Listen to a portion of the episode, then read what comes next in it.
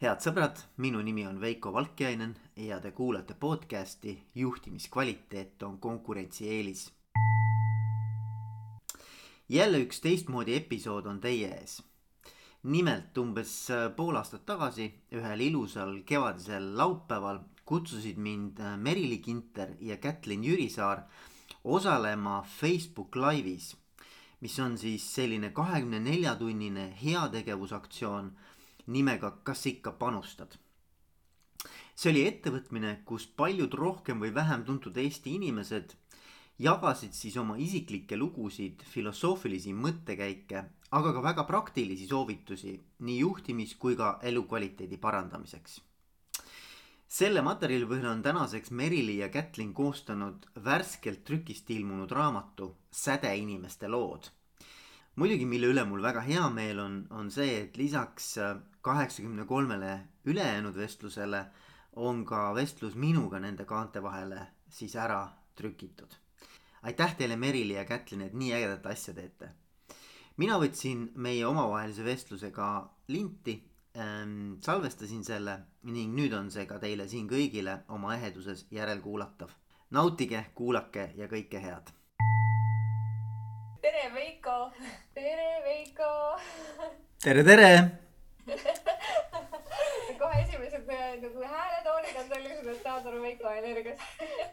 just Veiko, kust, kust sina praegu meiega liitumas oled äh,? kodunt, täitsa oma kodust, Nõmmelt, nii et äh, olen teiega siin läbi ekraani mm. -hmm. väga vahva, Nõmme on meil täitsa lähedal ka, et äh, mõnus selline äh, Nõmme, mis Nõmme puud, mis see mul jookseb, männid, männide vahet Nõmme puud on männid kakskümmend neli tundi teevad vist oma tööd praegu. aga Veiko, tegelikult me tahame iga e, e, uue e, siis kõnelega rääk- e,, alustada mängides ja sinu ülesanne on valida erinevate siis valikute vahel oma lemmiku. nii. no ma ei tea, ma, ma püüan no ma arvan, me saame eriti vikast ikka siia panna. ja ma alustan, jalgratas või auto no ma tahtsin, ma tahtsin kohe öelda jalgratas, siis ma mõtlesin, et oleks tegelikult äge auto, no ütleme jalgratas nii, apelsin või mandariin äh,? mandariin äh,. raba või järv? raba. suvi või talv? suvi meie üks lemmikküsimusi, vabadus või õiglus ähm,? Teil on nii rasked küsimused ähm,. vabadus, vabadus hmm.. nii, kas äh, mul tuli väga meelde, kas oli puu või põõsas puu märkamine või hoolimine mm.? no need on ju kõik mõlemad hoolimine, aga ütleme hoolimine. sihtkoht või teekond? teekond. Kiitmine või innustamine? Mm. mm, kiitmine äge mm,. väga põnev. mis me võtame viimaseks vahelduseks Veiko kiusamise no ah,, ma tean, nii see tuli, jah, kana või muna? Muna.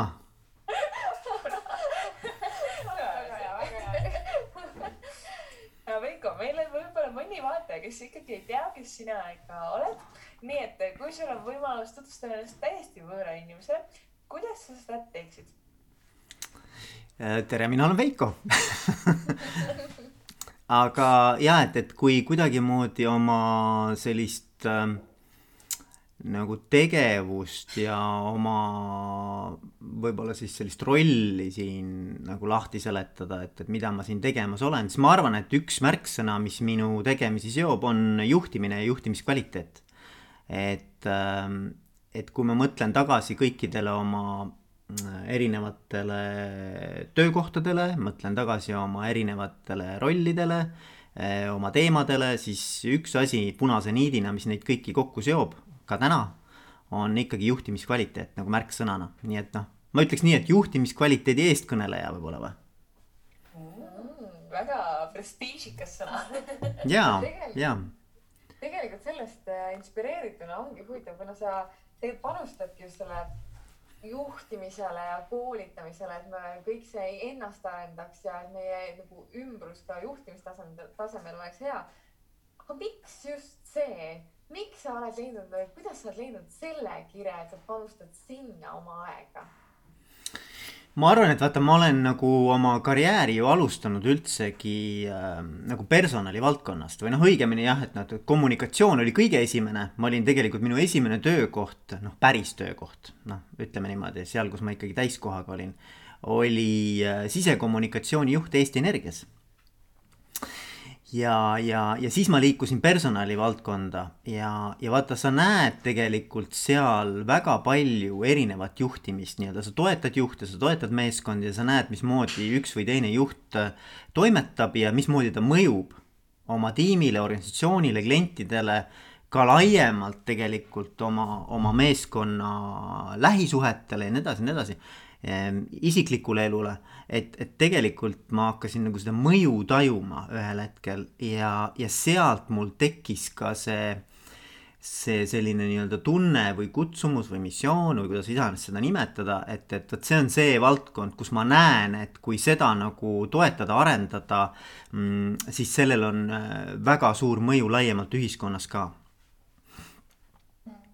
Mis suurt äh, mõju sa siis näed, et äh, ma tean, et meie puhul näiteks mina tean, et äh, kui inimesed tulevad meie juurde, siis ma näen kohe, et oh, nendel lähevad silmad rohkem särama näiteks ja nad on nagu õnnelikumad, aga mis, mis on sinu puhul, äh, mis sina märkad selle suure mõjuna?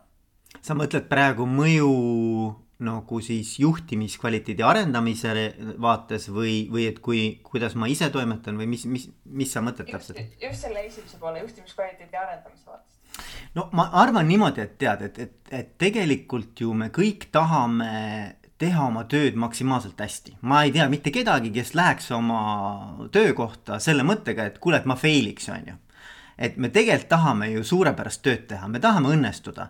ja, ja nüüd on küsimus äh, minu arvates juhtimiskvaliteedi seisukohalt, et kas juhtimine toetab seda, kas ta aitab nii-öelda oma meeskonnal ja meeskonnaliikmetel õnnestuda või ta pigem nii-öelda pärsib seda ja, ja mina näen ikkagi seda, et, et kui äh, see keskkond, mida juhtimine loob, ähm, need tingimused, mida ta siis nagu loob, et kui need toetavad äh, inimeste õnnestumist ja, ja teeb sellest meeskonna nagu võitva meeskonna, siis äh, sellel nagu mega-mega suur mõju, nagu, nagu noh, me isegi nagu tegelikult ei taju seda see ei ole ainult üldse, me ei räägi nagu tulemustest, me räägime tegelikult kogu sellisest äh, psühholoogilisest, vaimsest heaolust. Äh, me räägime ehm, noh, nii-öelda nagu kõikidest erinevatest nii-öelda ripple efektidest või noh, sellisest nii-öelda ahelreaktsioonist, et mida see kõik mõjutab, nii et äh, ma arvan, et see on nagu alahinnatud isegi, et me ei ole nagu isegi teadvustanud, kui suurt mõju juhtimine tegelikult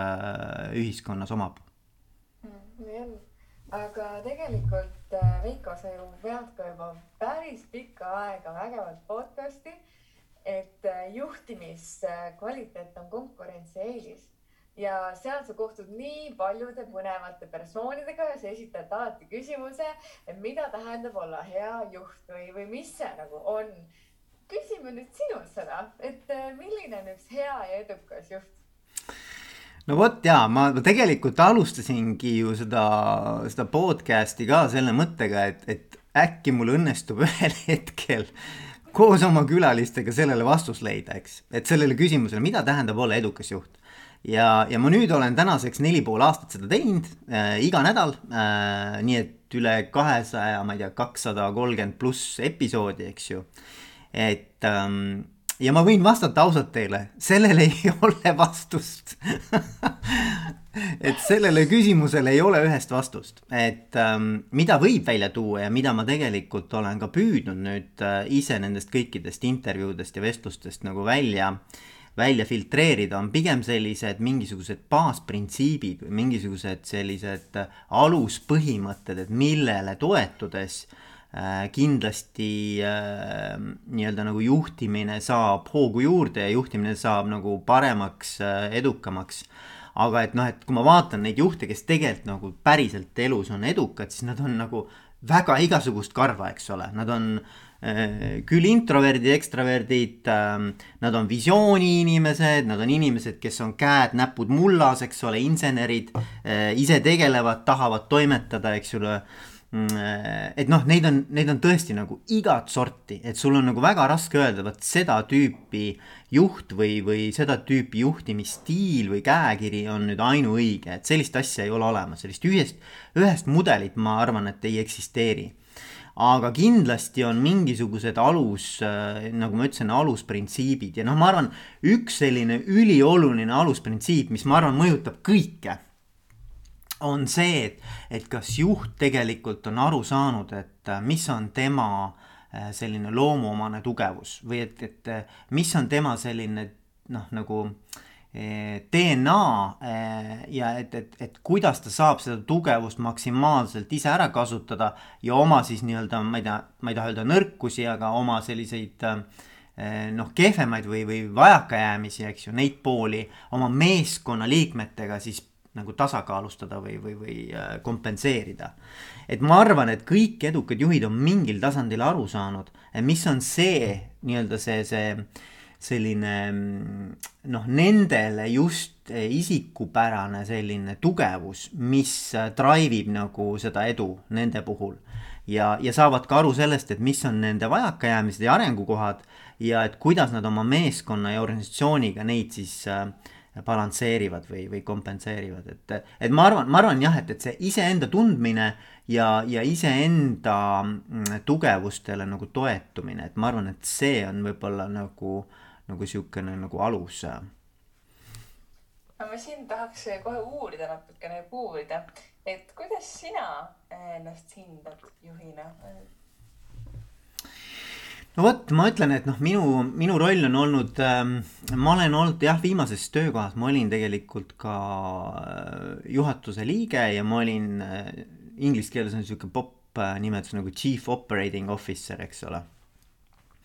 ja ma olin sihuke, ütleme siis operatsioonide juht, aga noh, põhimõtteliselt tegelikult selline nagu Eesti üksuse, selline siis Briti ettevõtte Eesti üksuse juht, eks ähm, ja noh, kui ma mõtlen selle peale, et nagu mida mina siis äh, enda tugevuseks pean ja mida ma arvan, et ma oskan nagu hästi ära kasutada, on ikkagi selline nagu inimeste tundmine, inimeste äh,, inimestes parimate tugevuste nagu väljatoomine, nendele rõhumine, nende märkamine, nende esiletoomine, nende nagu arendamine. et noh, nii nagu HR-is tegelikult ma arvan, see on nagu HR-i töö, eks ju ähm,. Äh, siis ütleme personaliarenduse töö, et äh, aidata inimestel just nende potentsiaali nii-öelda nagu esiteks nagu märgata ja siis ka luua need tingimused, äh, on see siis mingid eesmärkide, ülesannete, projektide näol, et nad saaksid siis neid oma tugevusi ka arendada. et ma arvan, et see oli nagu minu tugevus. et juhina ma arvangi, ma olen mõelnud alati, et, et, et kui me vaatame nagu tegevjuhtimise peale, siis kust tegevjuhid tulevad, eks ju, tegevjuhid tulevad tavaliselt mingisugusest põhiäri äh, üksusest äh, või noh, ütleme siuksest nagu äri, äri poole pealt, mitte niivõrd personali poole pealt, eks ju. et väga vähe on neid juhte, ma mõtlen tegevjuhte, kes siis tegelikult tulevad nagu personali valdkonnast, kasvavad välja ja siis ma olen mõelnud just, et aga personalivaldkond on just see, kus tegelikult inimestega tegelemine nii-öelda nagu ja mida juht, e-, noh, ütleme kõik juhtimine ongi põhimõtteliselt ju inimeste juhtimine tegelikult, minu arvamus on see, et nagu inimeste juhtimine on no põhi, põhikomponent, eks. et, et siis nagu personalivaldkonnast juhtida nii-öelda, juhtida nii-öelda väljakasv või, või, või üleskasv, et see on nagu väga-väga marginaalne Eestis et, äh, et ma arvan, et see on minu tugevus ja seda ma tegelikult olen ka podcast ides nagu mm, püüdnud lahata, et, et miks see nii on, eks ju, et miks need personalijuhid tegelikult siis tegevjuhtimisse ei, ei kasva. tegelikult siin ongi põnev, et äh, sa oled nii palju nagu inimestega koos tegutsenud ja sul on tegelikult ka psühholoogi haridustaust et äh, kuidas sina tunned, et see eriala sind on toetanud ja edasi viinud selles valdkonnas? Et võib-olla, mida sa oled rohkem võib-olla taktikaliselt äh, isegi ära kasutanud või kuidas sa selles osas ennast mõtestad? ma mäletan seda, kusjuures kui ma õppisin psühholoogiat ülikoolis ja siis oli üks, üks tuttav äh, noorem äh, tüdruk, noh, ma arvan, et ta võis olla sel ajal mingi üksteist, kaksteist aastat vana. ja siis ta vaatas mind niimoodi suurte silmadega ja ütles, et Veiko, sa näed mind läbi et nagu, et, et, et siis ma mäletan, et, et selline nagu müstiline nagu loor on selle psühholoogia ümber et, ähm, et aga tegelikult ma arvan, mida nagu psühholoogia üldse tegelikult noh, okei okay,, et ma olen nagu jah, tõesti psühholoogiat õppinud ülikoolis, aga ma arvan veelgi enam, ma olen äh, viis aastat õppinud tegelikult psühhoteraapiat, psühhoteraap-, nagu psühhoterapeudiks äh,. mis, mis on tegelikult nagu minu arvates võib-olla isegi nagu märkimisväärsem osa sellest inimeste tundmise õppimisest ja iseenda tundma õppimisest ka.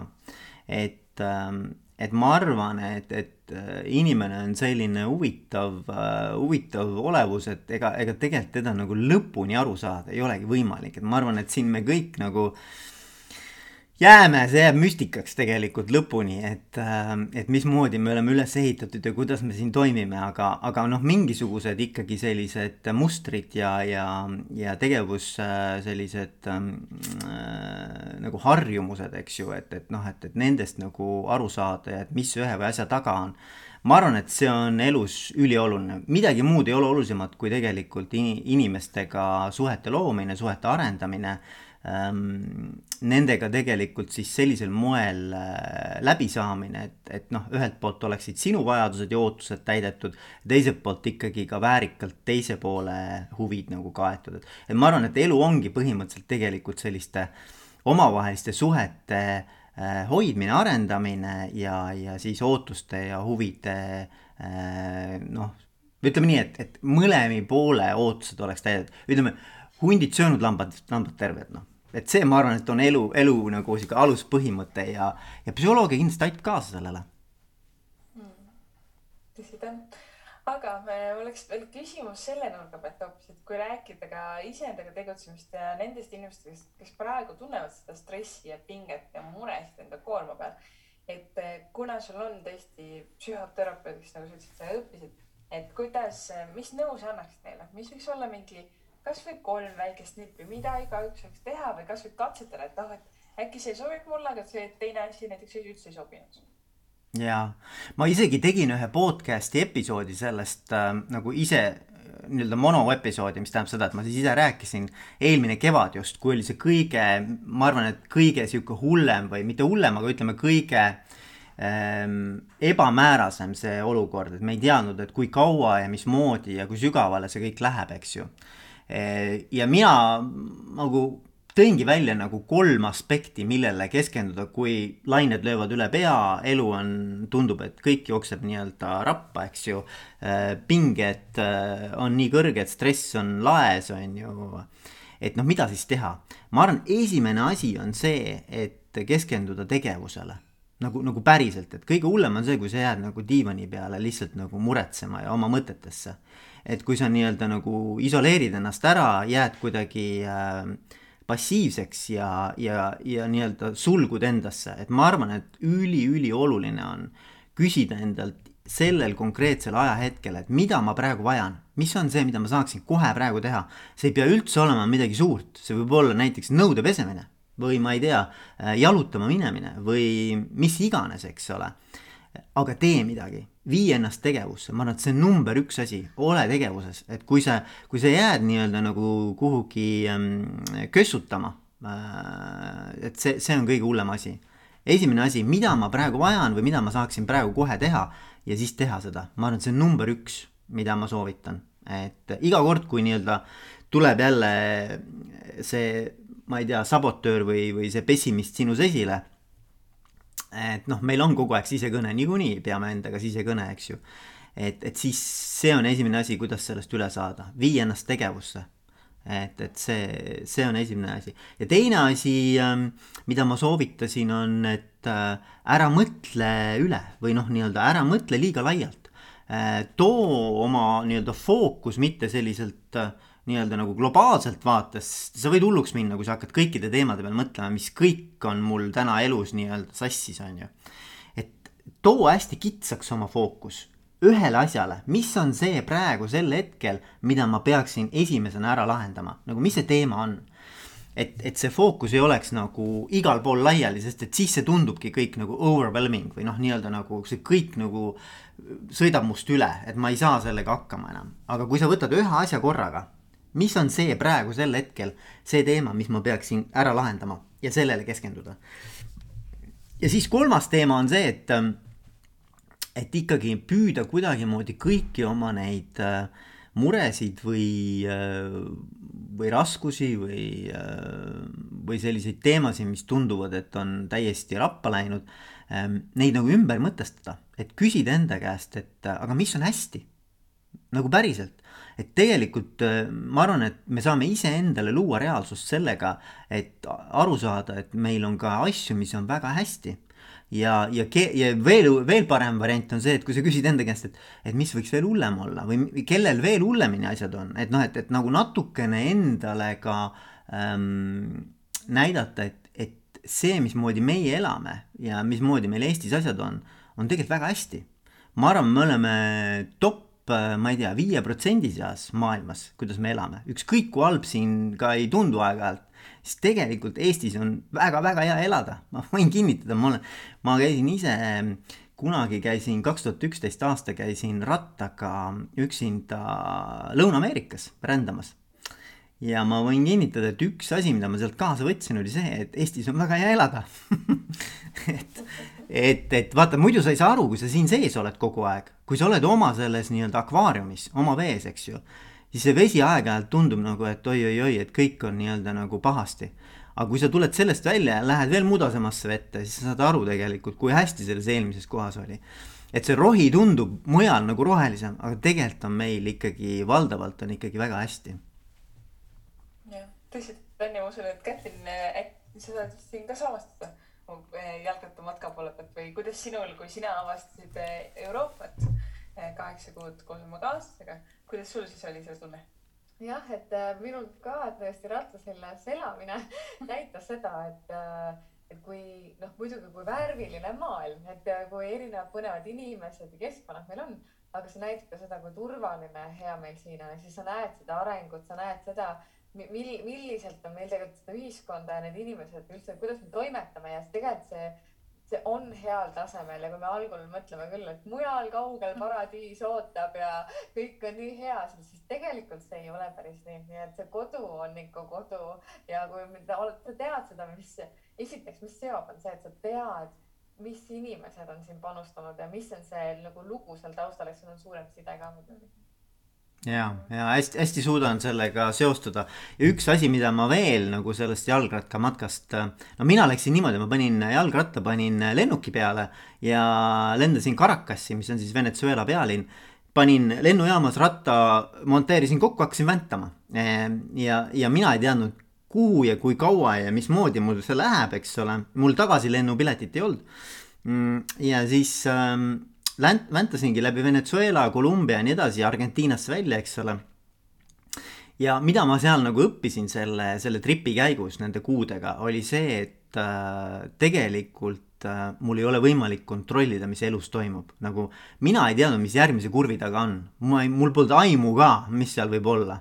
aga ma pidin ühel hetkel lahtma äh,, laskma lahti sellest soovist nagu kontrollida seda et teadma, mis seal on, et kui me iga päev elame vaata oma nii-öelda loomuomases keskkonnas, me enam-vähem teame, mismoodi siin elu käib, on ju. et kui ma lähen ikkagi vot sinna, saan selle inimesega kokku, teen neid asju, siis ma tean, mis see tagajärg on, eks ole.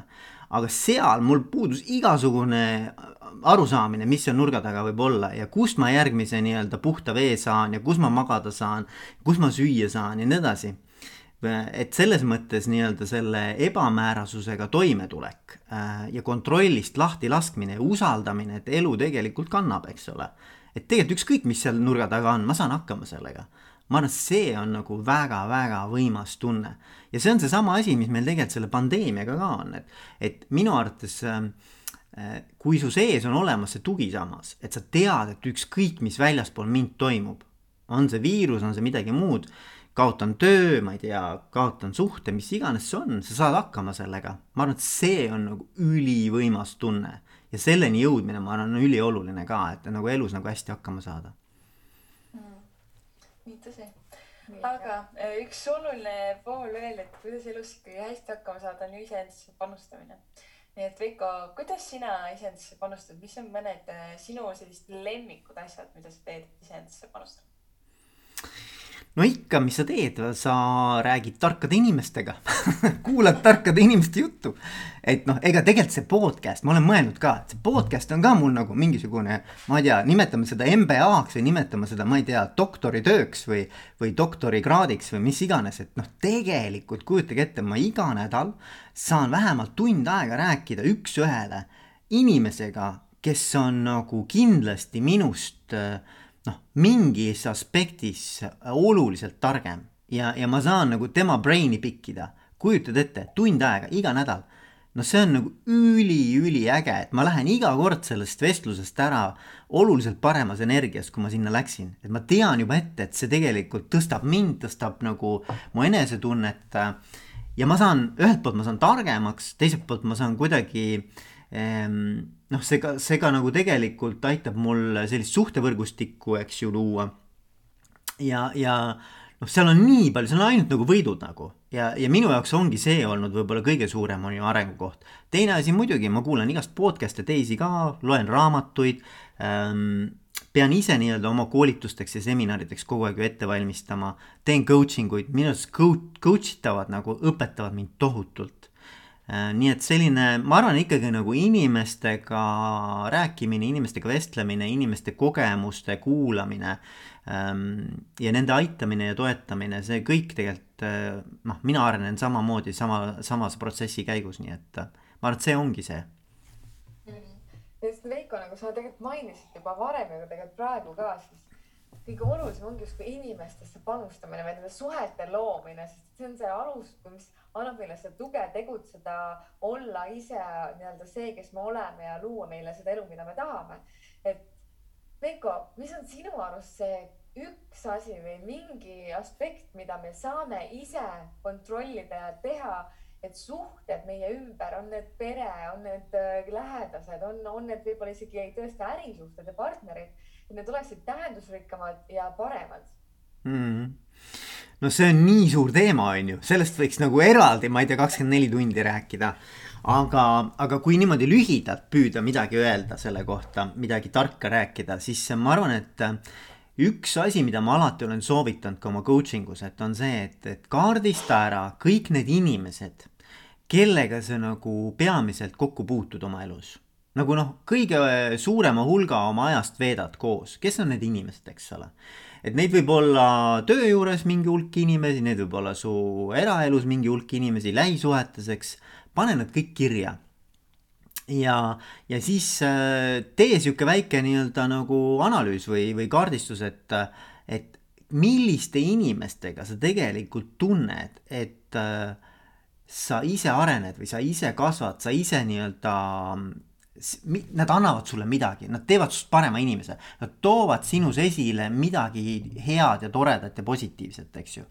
Äh, ja kes on need inimesed, kellega pigem on sul see tunne, et tead, et ähm, ma ei tea, iga kord, kui ma temaga kokku puutun, noh, ma tunnen, et ma kuidagi pigem kaotan energiat, pigem äh, nii-öelda tõmbun endasse, tahan eemale äh,. mul ei ole hea tunne, eks ole, selle inimesega kokku puutuda ja, ja siis otsi neid inimesi oma suhtlusringkonda, kellega sul tegelikult on võimalus niimoodi suhelda, et sa saad rohkem olla sina ise, sa tunned, et need inimesed tõstavad sind, nad annavad sulle energiat, nad teevad sinust parema inimese.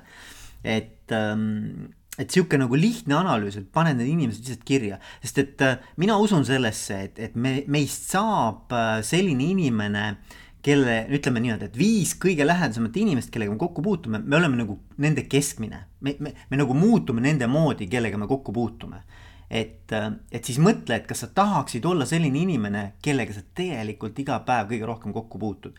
või tegelikult peaks need inimesed olema teis-, teised inimesed, kellega ma siis peaksin läbi käima et see on nagu esimene asi, sihuke nagu baaskaardistus on ju, et, et kes üldse need inimesed on mu ümber. Ja ma, ja tegelikult meil on võimalik valida, meil tegelikult on võimalik valida, kellega me ju iga päev läbi käime. et, et see on nagu esimene asi, mida ma, ma selle kohta ütleks.